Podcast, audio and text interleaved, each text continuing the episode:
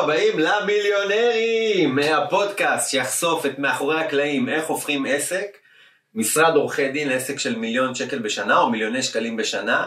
אה, האמת היא שאני סופר מתרגש להיות פה. פרק אה, ראשון שאנחנו גם מקליטים וגם מצלמים.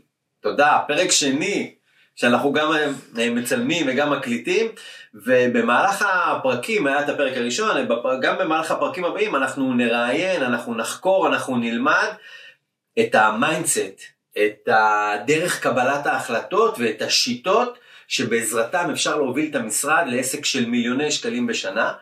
אמ, ויהיה כל מיני הפתעות בדרך, אז אני ממש ממש ממש מתרגש לצלם היום את הפרק השני. והיום נמצאת איתנו עורכת דין ענת קנט. היי ענת. היי.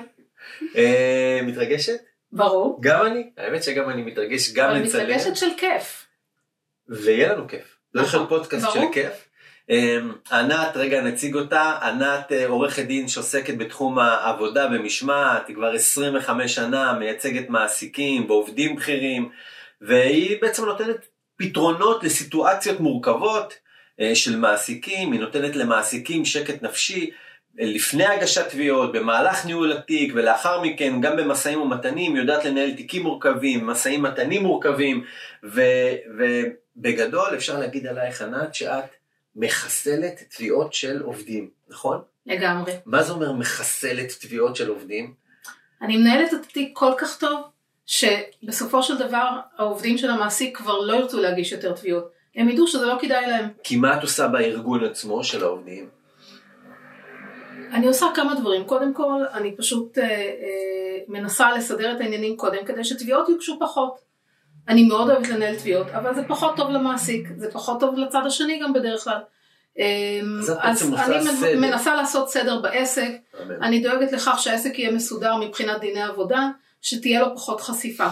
אם בכל זאת הגיע- הגיעה תביעה כזאת, אז אני יודעת לנהל אותה ככה, שזה יהיה, גם ינוהל טוב ויסתיים טוב, וגם ירתיע את האחרים מלהגיש תביעה בפעם הבאה. אז את מחסלת תביעות, שזה לגמרי. משפט חזק. עכשיו אני רוצה רגע ללכת איתך קצת אחורה, כי את מגיעה עם המון רקע וניסיון של משרדים גדולים בתחום, את כבר מה שנקרא גוורדיה ותיקה, עם אה, ניהול מחלקת עבודה במשרדים גדולים, ובאיזושהי נקודת זמן את בוחרת לעשות את המעבר המפחיד והאמיץ הזה ממנהלת של מחלקה במשרד גדול להיות עצמאית. וספרי קצת על המעבר הזה.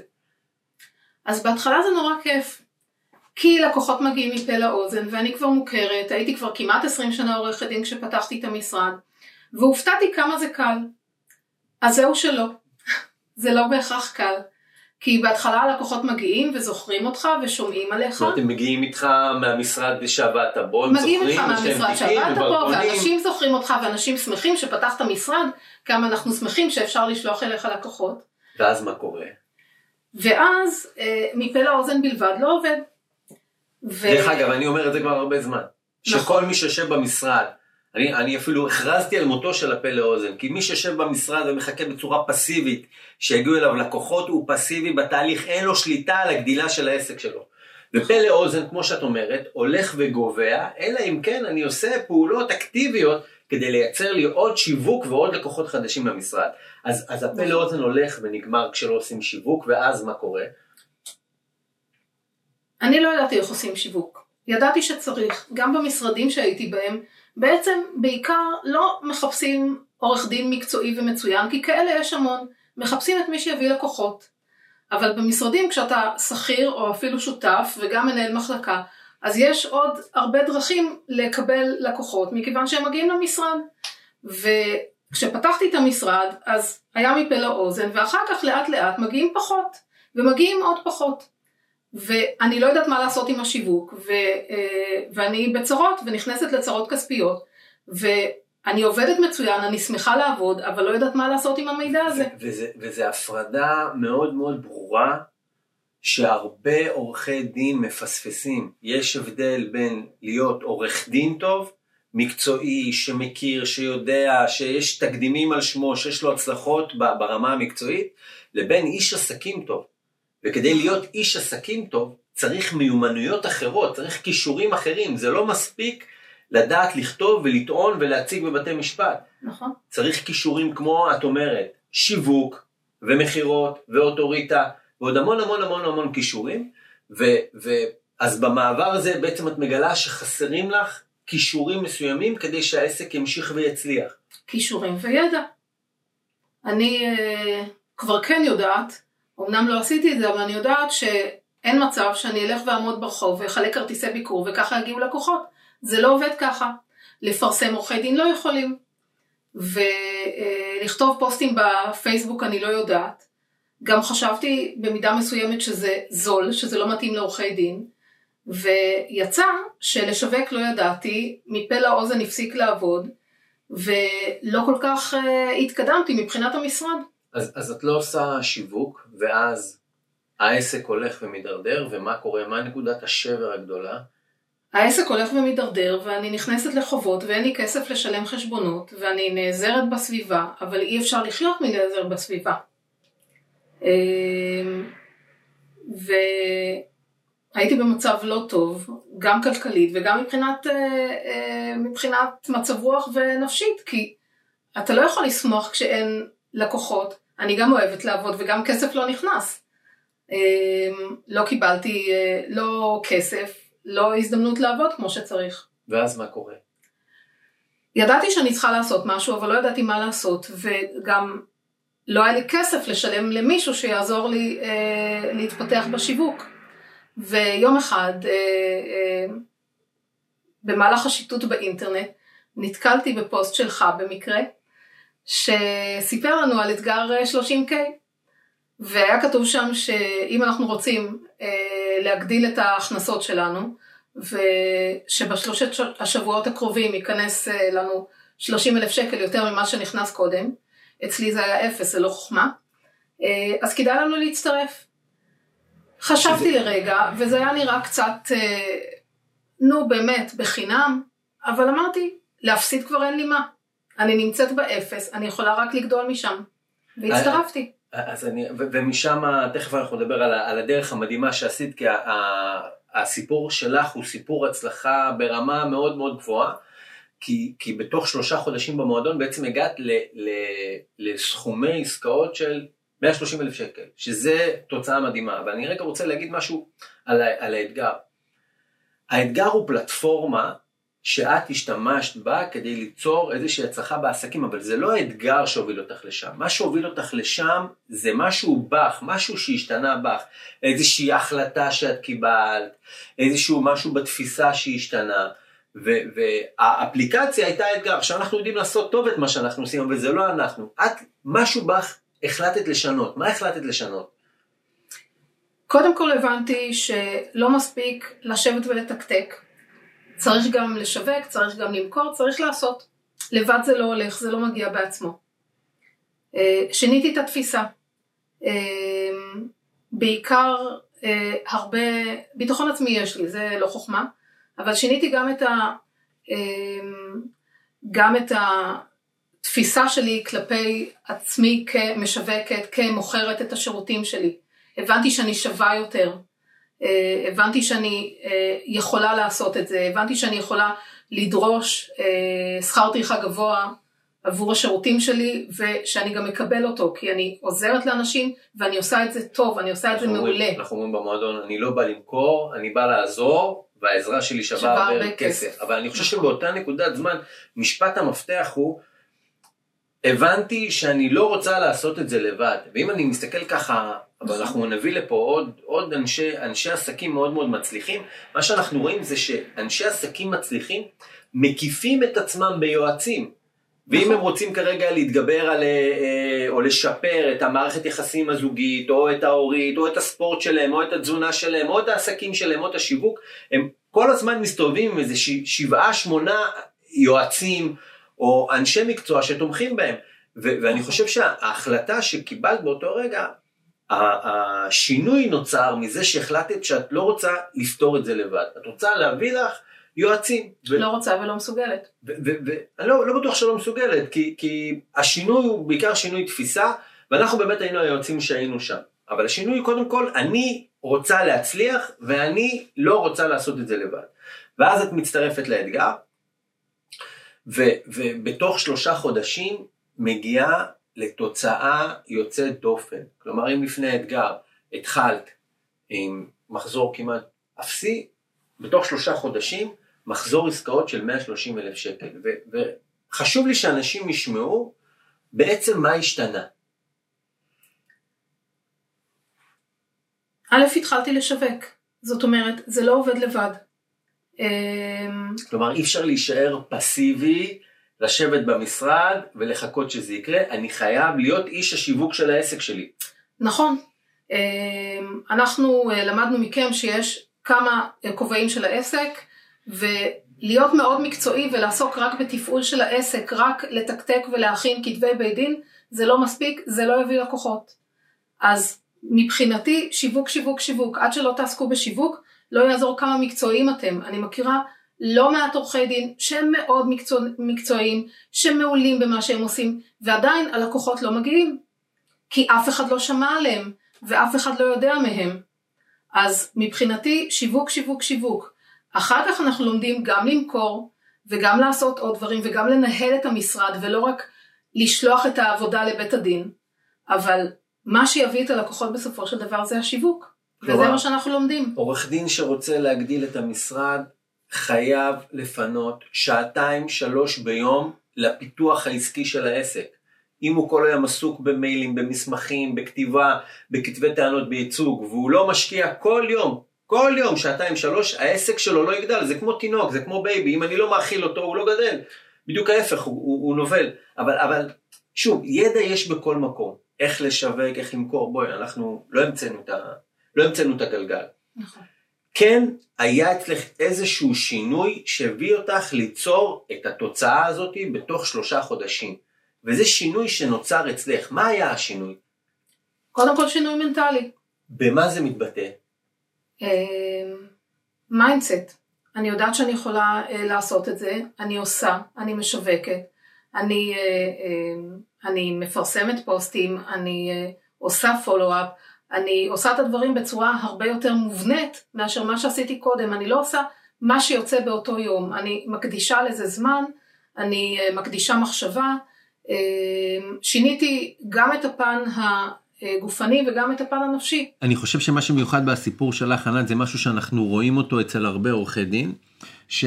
ואצלך זה ממש דוגמה מובהקת, כי את יוצאת משרדים גדולים וניהלת מחלקות במשרדים גדולים, יש לך 25 שנה של ניסיון בתחום, ועדיין הם, הדבר המרכזי שחסר להרבה עורכי דין שיוצאים שם לשוק זה ההבנה שכדי להיות איש עסקים אני צריך להסתכל על העסק שלי ואני צריך להיות איש עסקים ולא מספיק שיש לי ידע מקצועי ואני יודע לכתוב אני חייב לעבוד על העסק כל יום.